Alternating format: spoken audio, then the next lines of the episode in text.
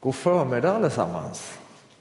Gott att få vara här. Eh, Ola Gustafsson heter jag och är föreståndare i Pingstkyrkan i Skara.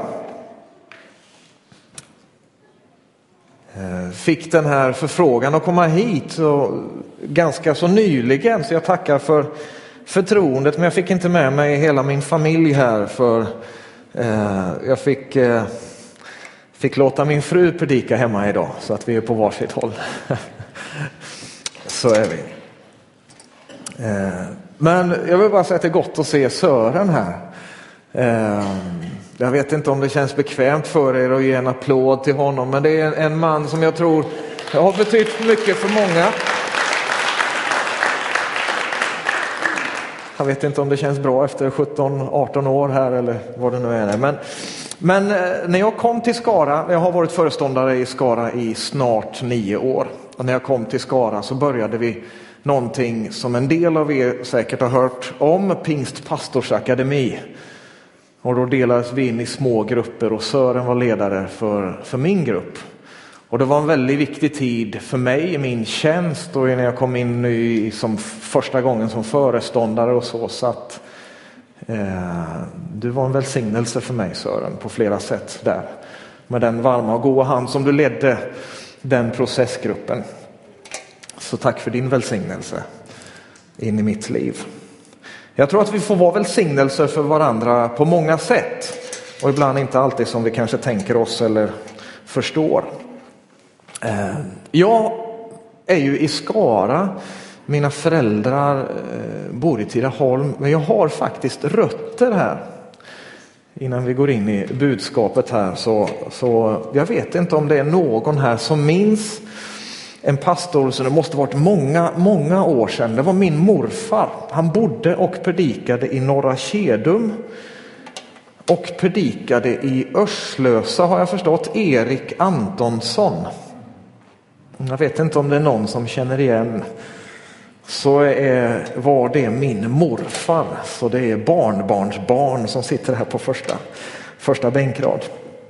Så det är eh, härligt att vara här, eh, också i den aspekten. Eh, jag är gift med Jessica som sagt som är kvinnan med världens vackraste ögon, helt objektivt sett. Hon kan inte vara med här idag, men jag kände, jag kände när vi skulle ha det här temat som vi har idag att, att Jesus i hemmet. Så jag behövde, förhålla mig själv på jorden på något sätt och inte segla iväg i allt för mycket osanningar, så tänkte jag att jag behövde en reality check. Så jag har min son med mig på, på första bänkrad här så att det, eh, så att det blir, eh, så att det inte blir liksom för, för, för utsvävande. Ehm, men förutom att jag älskar Jesus och älskar att dela Guds ord, det är min passion i livet och att hjälpa människor att förstå vad Bibeln säger. Varje predikant har sin passion och sin, men min, min passion är att hjälpa människor förstå dessa gamla eviga ord, vad de betyder för oss idag. Det, det är min passion. Utöver det så, så är min passion att träna. Så jag sysslar med triathlon. Har faktiskt nyligen gått med i Lidköpings cykelklubb. Triathlonavdelningen. Så att det, det är vad jag sysslar med på fritiden. Men så, ska vi be Gud välsigna, välsigna ordet. Tack Jesus för att vi får vända oss till ditt ord för att hämta vägledning, för att hämta uppmuntran och tröst. Men också utmaning, Herre. Vi ber att du ska öppna ordet för oss idag. Att du med din heliga ande ska hjälpa oss att bära dina ord så som du en gång sa att när den heliga ande kommer då ska vi förstå och kunna bära dina ord. Så välkommen Herre i Jesu namn. Jag vet inte, är det så att jag ska byta mikrofon så att eh, ni kan lyssna på vad jag säger? Eller ska den justeras? Det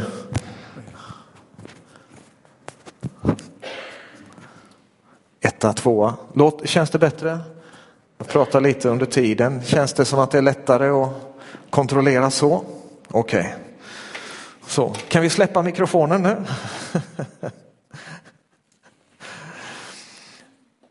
Temat som jag fick tilldelat här när, vi skulle, när jag fick frågan om att, att, att komma hit, som jag tyckte var ett fantastiskt tema, så är det okej okay att jag snor med mig det här temat till Skara. Jesus i hjärtat, i hemmet och i staden. Är det, är det okej okay att jag tar med mig det? Det är okej. Okay. För jag kände när jag, när jag fick det här så kände jag det är ju fantastiskt, vilket otroligt bra tema och just den här att det börjar i hjärtat och så vidare. Så jag skrev tillbaka till Mikael Borg att ja, men jag predikar gärna över det här, fantastiskt tema. Och sen så satte jag mig med det här budskapet. Och så inser jag ju att det är ju få saker som kommer närmare ens egna svagheter än hemmet. Så det här som först kändes fantastiskt blev en ganska jobbig predikan att förbereda faktiskt. Man besöker andra församlingar och då vill man ju gärna liksom ge sitt bästa och ha ett härligt intryck och sådär. Och så, och så närmar jag mig med det här och så insåg jag att ja, men här, finns ju, här finns ju en verklighet bakom. Som ibland är härlig men som ibland inte bara är härlig när det gäller, när det gäller tron hemma. Och min erfarenhet efter, efter många år är att det här med Jesus och hemmet, ibland så blir det en klyfta mellan kyrkan och hemma. Och det är lätt att tala de stora orden i kyrkan och kanske inte alltid får det att synka med hur det fungerar hemma. Jag vet inte om det är någon mer än jag som känner igen den. Att det inte alltid liksom, det är lättare med att i kyrkan så nu ska vi vinna världen och så går man hem och så ja, bråkar man över tandkrämstub klämd på mitten eller toalock som står upp eller vad det nu än kan vara. Och då har jag känt när jag går in i det här att jag tänker inte dela de stora orden idag för att jag vet att för en del av oss så är kanske hemmet ett av de ställena som är vårt dåliga samvete kring tron.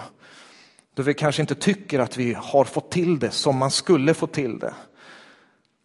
Och läser man Bibeln med hemmet så blir det ibland inte lättare. Det finns bibelord i båda ändar som om de dras till sin spets. Jesus säger ju till exempel i Matteus 12 så talar han om när hans, när hans mor och hans bröder kommer till honom och så säger han var och en som gör min himmelske faders vilja är min bror och min syster och min mor.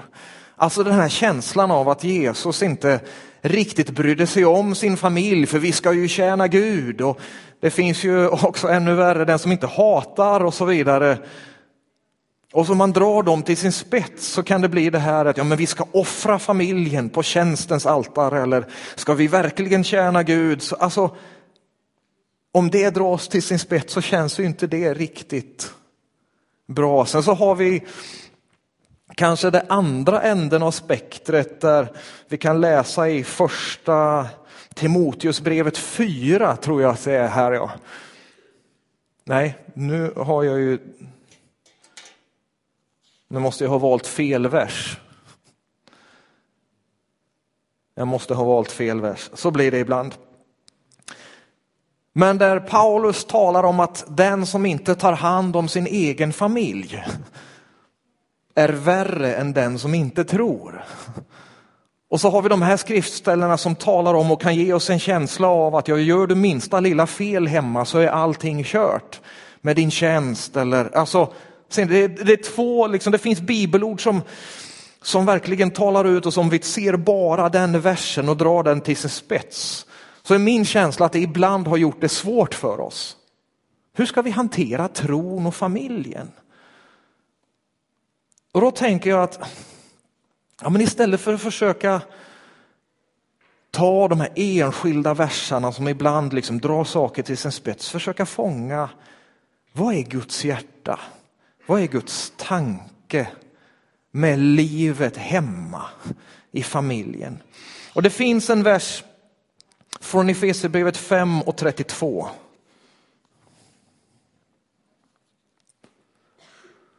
Där Paulus talar om man och kvinna. En del tycker att de här verserna är lite svåra som talar om förhållandet mellan man och hustru och liksom att respektera sin man och Eh, och så vidare. Men vi lämnar de bitarna där. Men och så säger han den här lilla saken. Han talar om äktenskap, han talar om hemmet, han talar om familjen. Så säger han den här lilla saken.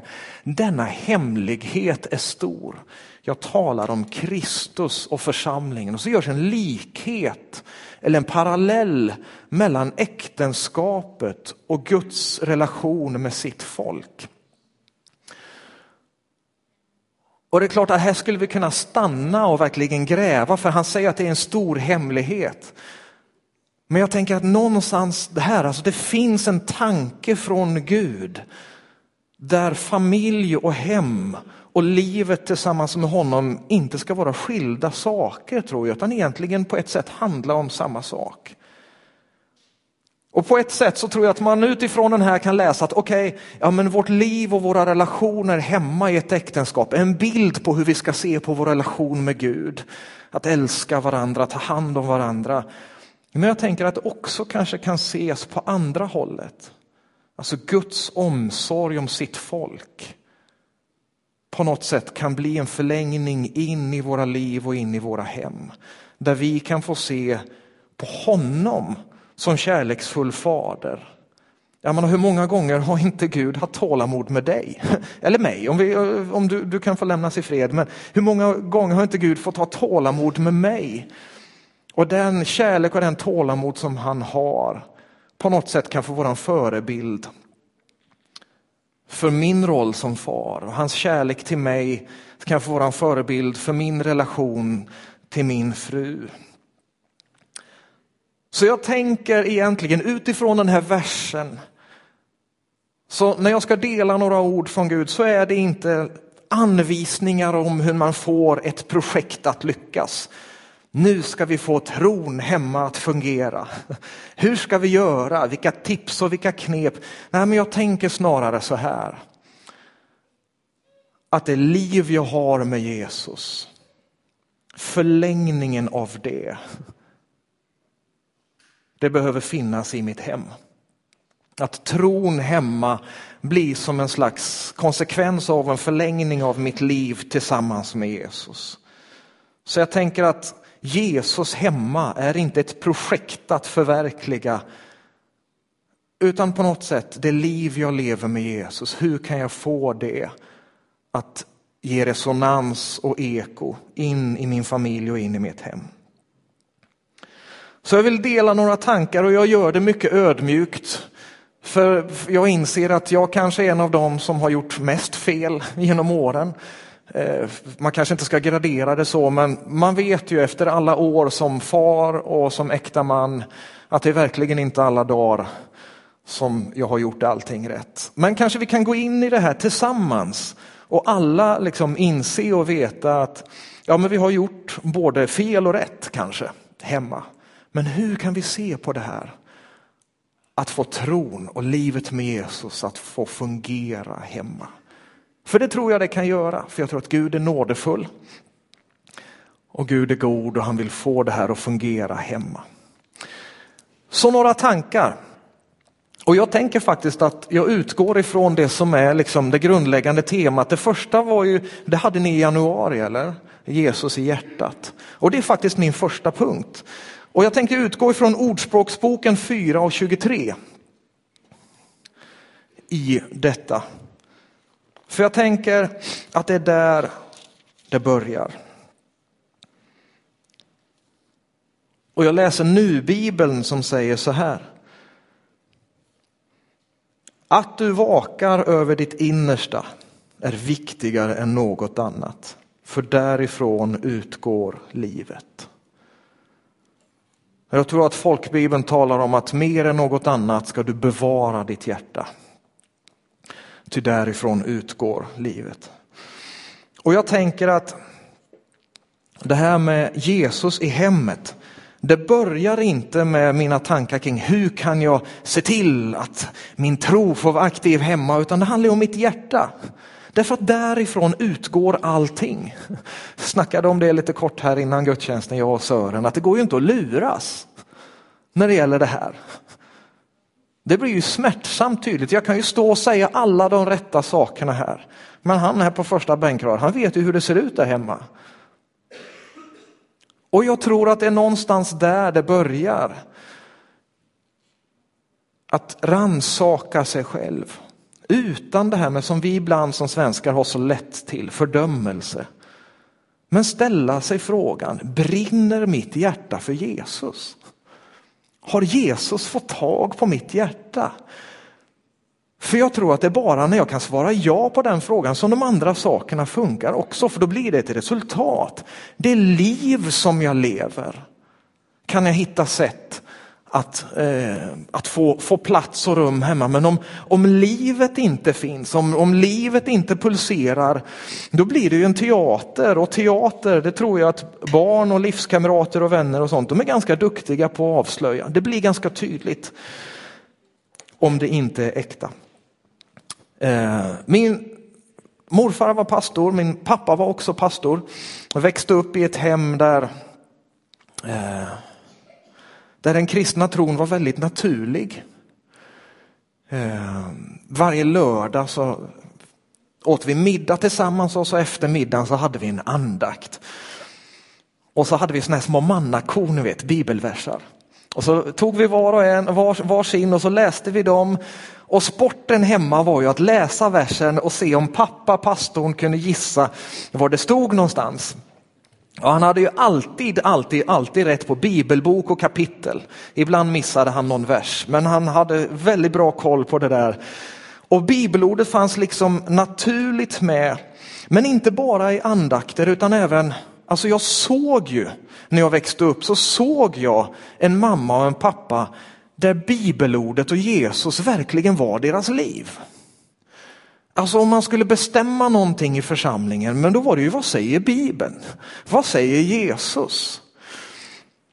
Allt ifrån de här små andakterna till att vi öppnade vårt hem för, för fosterbarn eller nyfrälsta alkoholister som fick vara inneboende ett år innan man kom in på ett LP-boende. Eller, alltså jag såg det här att det som mamma och pappa sa hemma, det levde de också. Och det fick jag med mig, det märkte ju mig för livet i en förebild hemma där jag såg inte en mamma och pappa som gick till kyrkan på söndagen och sen var det någonting helt annat hemma där Jesus aldrig nämndes. Pappa han gick omkring hemma och talade i tungor jämt och det var faktiskt som en förebild att mina barn de ska få höra sin pappa be i anden. Så jag gömmer inte undan det utan för mig så blev det någonting som märkte mitt liv då jag växte upp med en mamma och en pappa som verkligen levde det de sa. Att pappa sen som pastor jobbade så mycket så att jag en gång vid kvällsbönen när jag var tre år gammal bad att Gud skulle bränna ner kyrkan så pappa kom hem. Det är en annan story och den, den tog min mamma tag i så att det blev ändring på saker och ting där. Hon gick hem på ett hembesök till slut och sa nu kommer du hem. Hämtade hem pappa pastorn. Så, så, min förhoppning är att mina barn inte ska be den aftonbönen utan att pappa ska vara hemma. Men utifrån det så tänker jag, alltså jag tänker så här. Ser mina barn min kristna tro? Alltså inte det jag gör i kyrkan utan ser de mig be? Ser de mig läsa Bibeln? Så jag har ju tänkt att när jag ber på morgonen så då gömmer inte jag undan mig. Jag kryper på knä vid soffan i vardagsrummet, ibland somnar jag. Men det är som någon pastor sa att vilken far blir arg över att barnet somnar i hans armar. Det är mjukt och skönt att böja knä mot soffan på morgonen. Men ser de mig be? Ser de mig läsa Bibeln? Ser de mig hemma prata om andra på ett respektfullt sätt? Vad är det de ser? Alltså inte bara det här som jag kan förbereda för en söndag, utan vad är det de ser hos mig? Det försöker jag tänka. Att jag inte ska gömma undan det på ett sådant sätt, utan mina barn de ska höra. Ibland i Bibeln, i bilen när jag ber i anden och när barnen var små så undrar de, vad säger du pappa? Och så får man förklara, nu ber jag i anden. Jag ber i tungotal det som Gud kan ge oss som tror på honom och så får det finnas, finnas med där. För jag tror att det behöver, det behöver börja med att min tro, den får vara aktiv. Och att det är det de först och främst ser. En tro som faktiskt är på riktigt på mig. Så Jesus i hjärtat. Så att där någonstans tänker jag att det börjar. Okej, okay, men om jag har min tro, om jag har någonting aktivt så är det ju inte, ja det här känner du säkert igen, även om jag verkligen har en aktiv tro så är det ju inte helt automatiskt att få till det där hemma. Jag ber, jag läser Bibeln, men hur blir det i familjen? Det är kanske någon som känner igen det där att det blir inte helt automatiskt. Utan ibland kan man få fundera och man kan få planera och man kan få tänka till. Hur kan jag få min kristna tro att bli en del av, av min familj, en del av det liv jag lever hemma? Och det är två saker som jag tänker och det, det, är inte rocket science som de säger, utan jag tänker på Bibeln och jag tänker på bönen. Och när det gäller Bibeln så finns det två bibelord som jag vill dela. Och det första är psalm 119 och 105.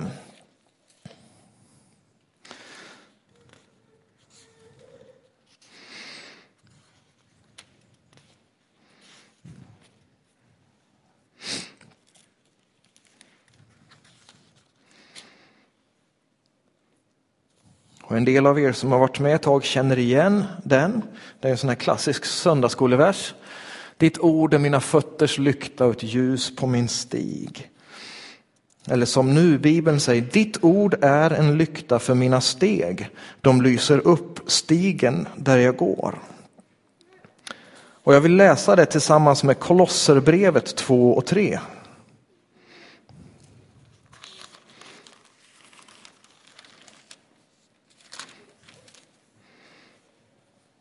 I honom är vishetens och kunskapens alla skatter gömda.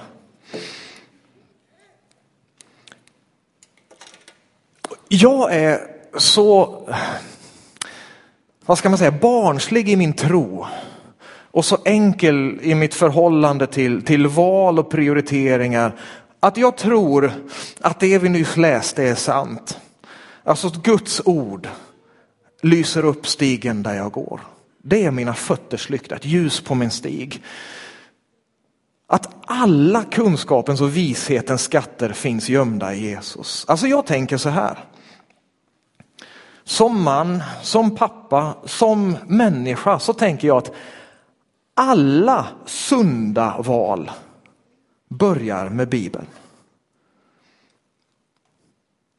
Alla sunda val hämtar sin utgångspunkt i vad Guds ord säger. Det var inte jättemycket amen och halleluja på det, men jag tänker så att, att all vägledning, jag tror, jag tror på det, att all vägledning, det finns ingen vägledning som inte behöver börja i skriften. Alltså egentligen ett ganska starkt uttalande som Paulus gör när han säger att alla kunskapens och vishetens skatter är gömda i Jesus. Alltså det betyder vad jag än möter i livet så kan jag gå till Jesus för att hämta svaret. Den här gamla sången, Jesus han är svaret för vår värld idag. Och någon sa, ja han är svaret men liksom, vad är frågan? Och jag tänker vilken fråga som helst så finns kunskapens och vishetens alla skatter gömda i Jesus. Så tänker jag som människa och då tänker jag det är utgångspunkten i mitt hem. Att för att mitt hem ska må bra så behöver bibelordet finnas i min familj. Och nu vet ju jag att inte alla är liksom anställda bibellärare som jag. jag menar, man har ju på ett sätt liksom försprång på det när man som, som bibellärare och så. Men tanken i det här är ju inte att ja, men nu ska vi alla starta en bibelskola hemma. Alltså på ett sätt ska vi ju det, alltså livets bibelskola. Men om man tänker så här, åh, nu måste vi vara duktiga på att ge Guds ord. Det kan ju bli en del kramp kring det. Och det är inte det jag tänker.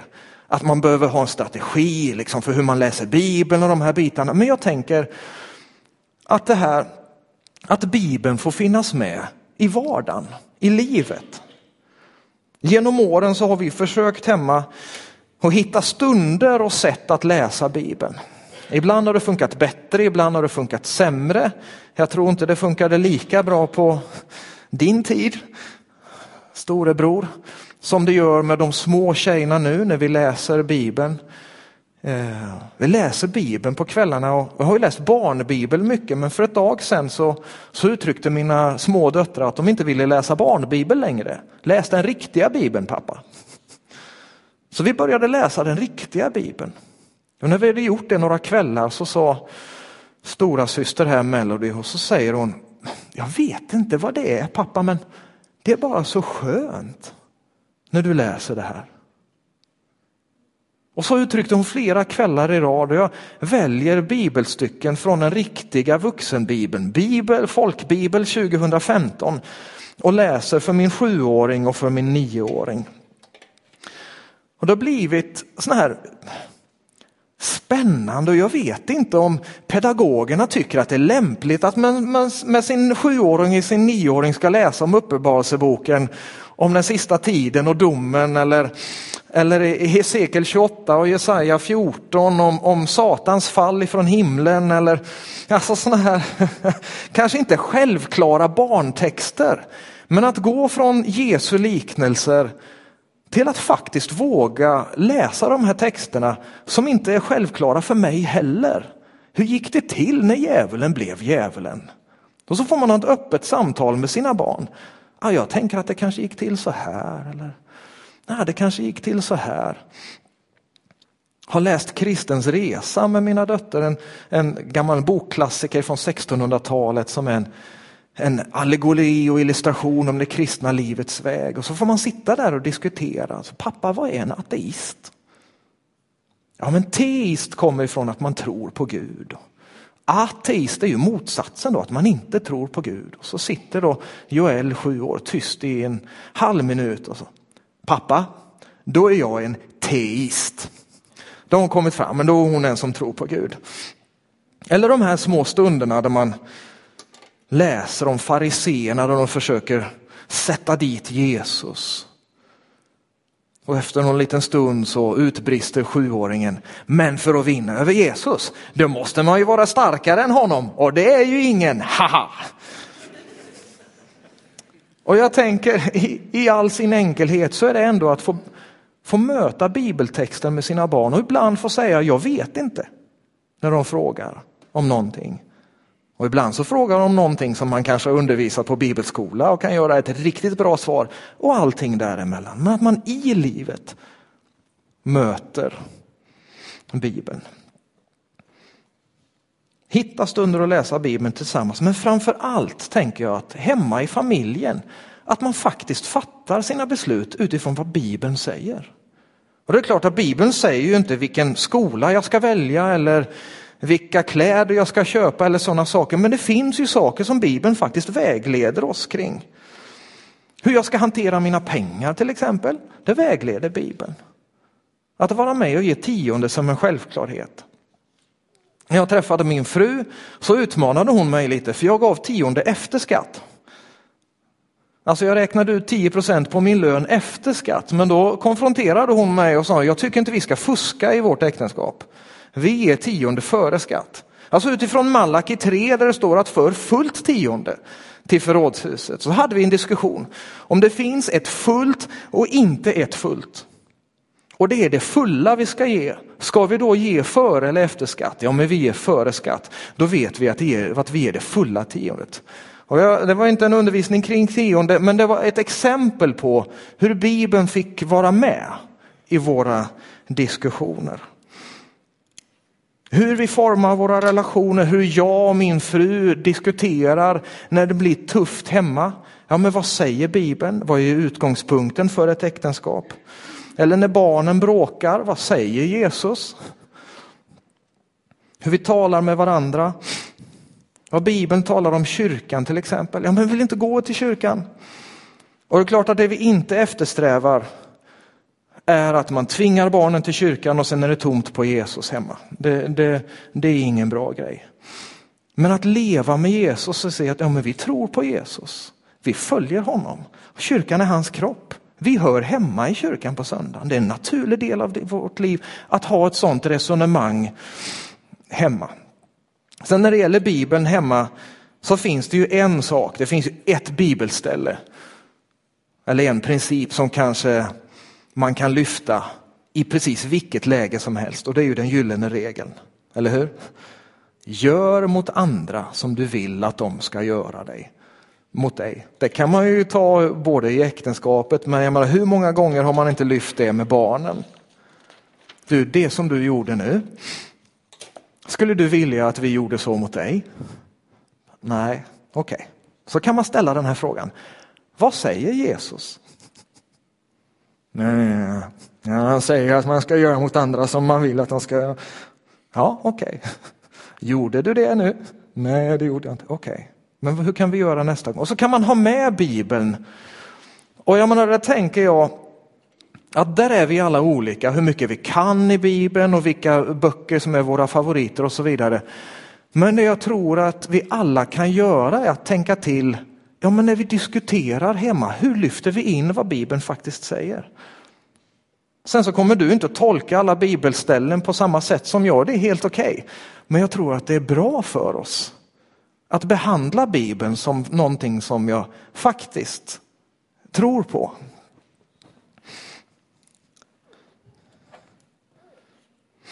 Jag tror det var Rick Warren som sa det, att du tror på de delar av Bibeln som du lever ut. Den gör ju ont till och med för mig. Men Bibeln, jag tror att den är bra att ha med. Bönen. Jag tror att bönen är en, en annan sån här aspekt som man kan fundera på.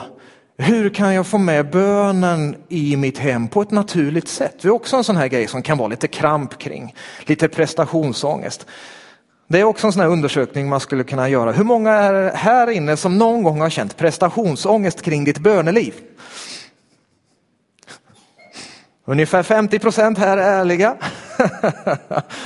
och Lukas kapitel 11, vers 9 och 10 så säger Jesus de här klassiska orden.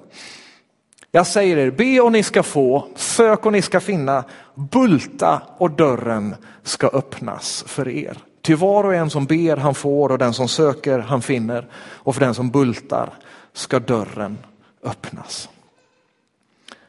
Det här är ju väldigt klassiska bibelversar och de har, många av er har hört dem många gånger. Men jag valde de här just för att de är så tydliga i att bön faktiskt gör skillnad. Det som framgår från de här verserna att det sker saker när vi ber som inte sker när vi inte ber. Och det använder vi i kyrkan, men jag tror att vi behöver lyfta in det hemma också. Det finns saker som bara sker när vi ber. Och så finns det ju, alltså på Bibelns tid då man skrev saker, så fanns det ju ett par olika sätt som du kunde markera att nu är någonting extra viktigt. Ett sätt du kunde göra var att skriva någonting två gånger. Då var det en markering, det här är viktigt. Sannerligen, sannerligen säger jag er. Ja, ni vet. Ett annat sätt att förstärka var att säga någonting tre gånger. Då var det extra starkt. Och här så använder Jesus båda två samtidigt. Han säger tre saker två gånger. Be så ska du få, sök så ska du finna, bulta så ska dörren öppnas. Och så säger han det två gånger. Alltså det blir både dubbleringen och tre gånger. Så att det är som Jesus bara liksom tar fram stora megafonen och säger förstå att bön gör skillnad. Både när det gäller att be för böneämnen, be så ska ni få. Men också när det gäller vägledning, sök så ska ni finna. Också den sista tänker jag på när man är i ett trångmål på något sätt, när någonting är tufft och jobbigt. Bulta tills det öppnar.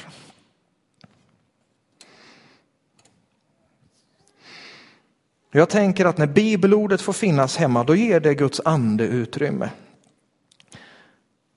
Men jag tror också att bönen på ett speciellt sätt ger den helige ande tillträde till mitt hem. För jag tänker att när vi står i någonting och inte bara pratar om det utan vi vänder oss till Gud i bön, då blir det en speciell inbjudan för Jesus att verkligen komma nära nu, i det vi står i nu. Att lyfta Bibeln är bra, att samtala är bra, men det sker någonting extra när vi ber tillsammans. För det finns en osynlig dimension, den andliga världen, där vi har ett rike från Gud som en resurs in i en värld där vi ofta, om du är som jag, så stöter du både nu och då på gränser och svårigheter och här vet jag inte riktigt vad jag ska göra eller jag orkar inte längre och så vidare. Så är bönen en dörr in från en osynlig värld att komma och, och beröra. Och då tänker jag att även där att inte börja och tänka i det stora utan sådana här små saker som att, att be Gud välsigna maten. Eller att be aftonbön om man har barn då. Eller att man, det kan man göra även när man är större, att man ber. Alltså en sån liten sak som att man ber en enkel aftonbön. Och just den här bönen som är mitt i livet. Jag vet inte vad ni har förresten för tidsbegränsning på mig här. Visst är det så att man ger gästpredikanter lite lite extra. De brukar alltid predika längre hemma i Skara.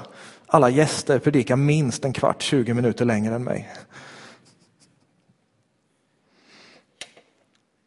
Nej, men det, det kanske just när det gäller det här, bönen, den enkla bönen mitt i livet, som, det är kanske det främsta sättet som jag upplever att vår tro hemma i min familj får komma till uttryck.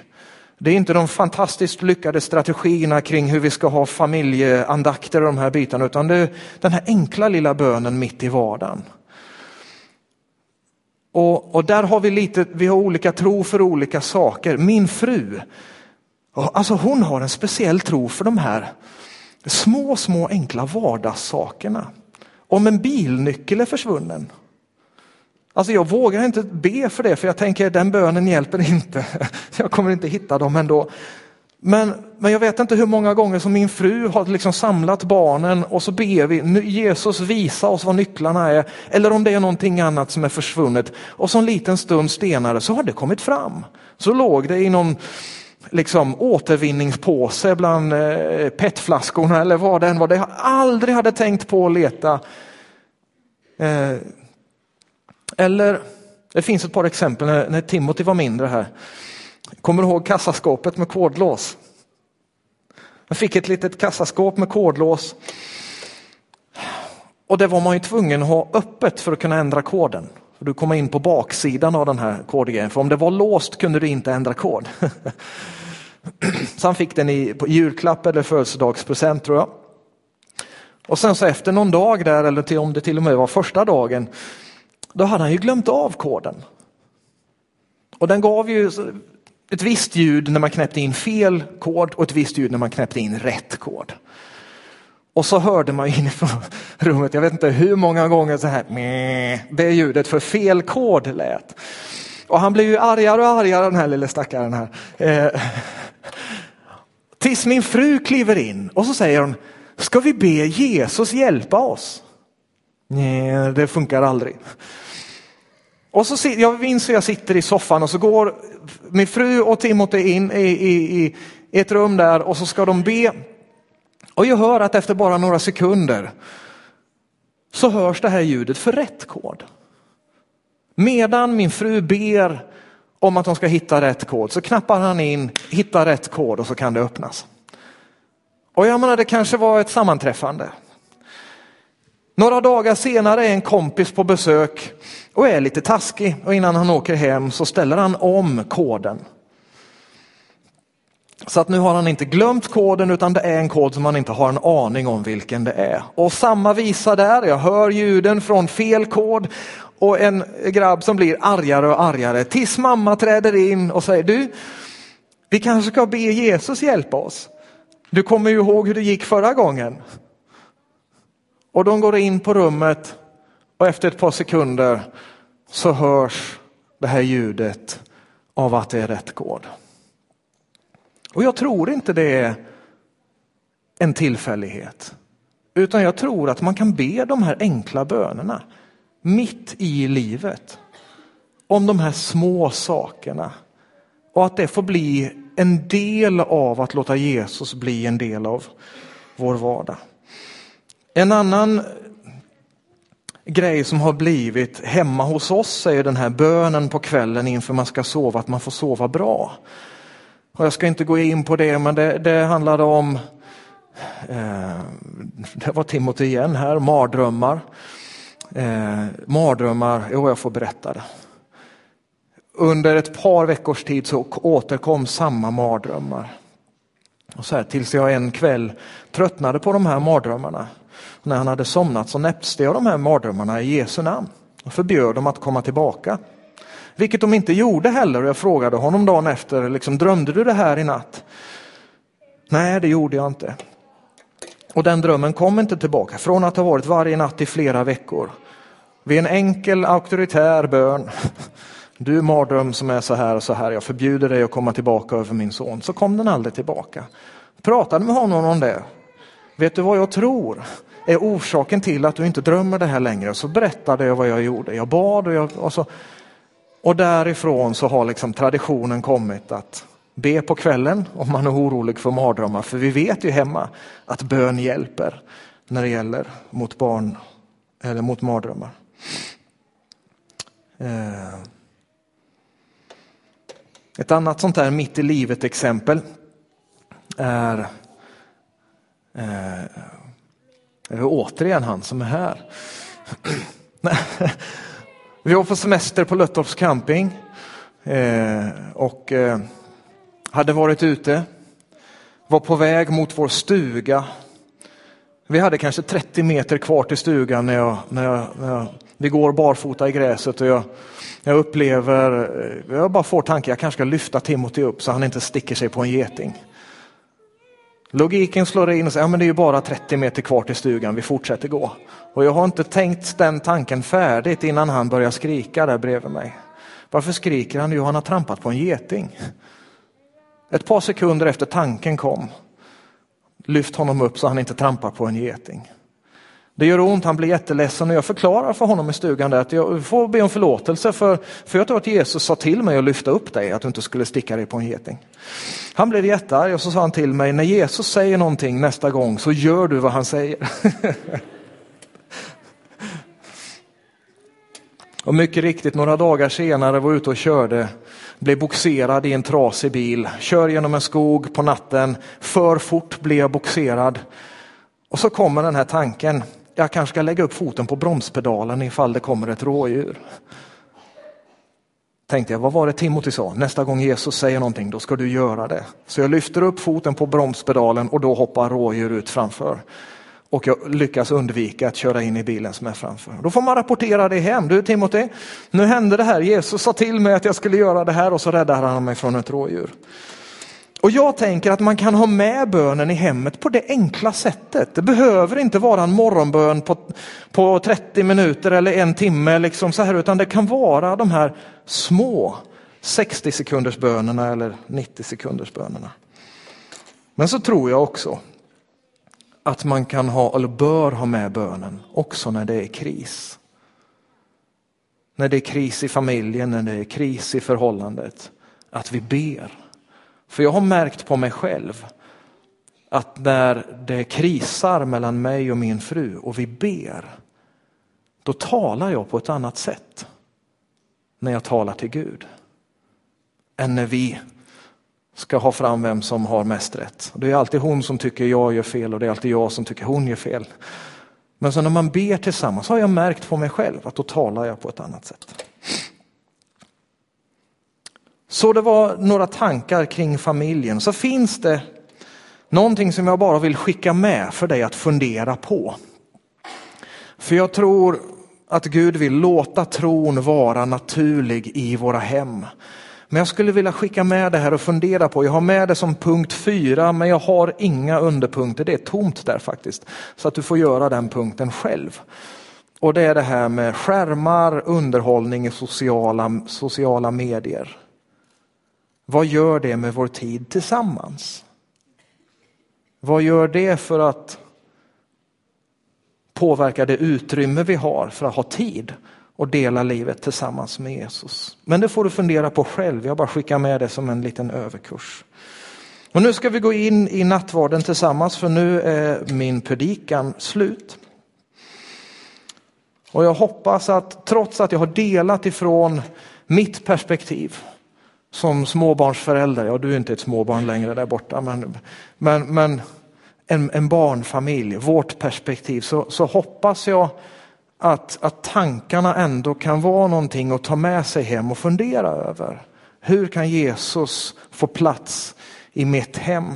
Vi ska fira nattvarden och det var någonting som när jag läser min bibel så förstår jag att man i den första församlingen så firade man det hemma. I hemmen bröt man bröd och firade i vad heter det? jublande glädje.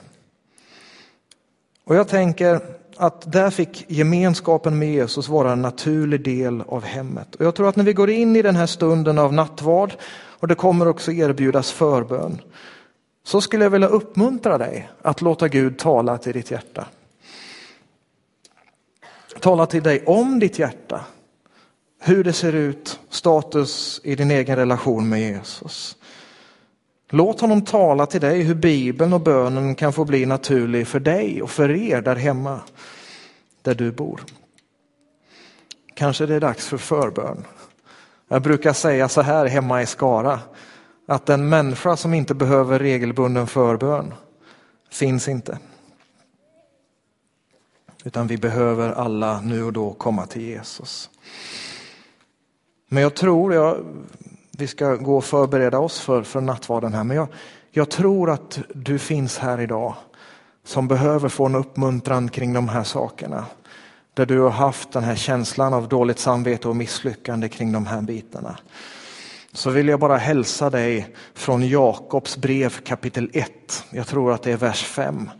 Att när vi brister i vishet, då ska vi be Gud.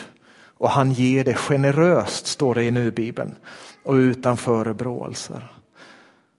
Så om, om du har suttit här idag under det här budskapet och känt liksom annat än frimodighet så tror jag att Gud vill uppmuntra dig. Jag tror att Gud vill leda dig och jag tror att Gud vill välsigna dig.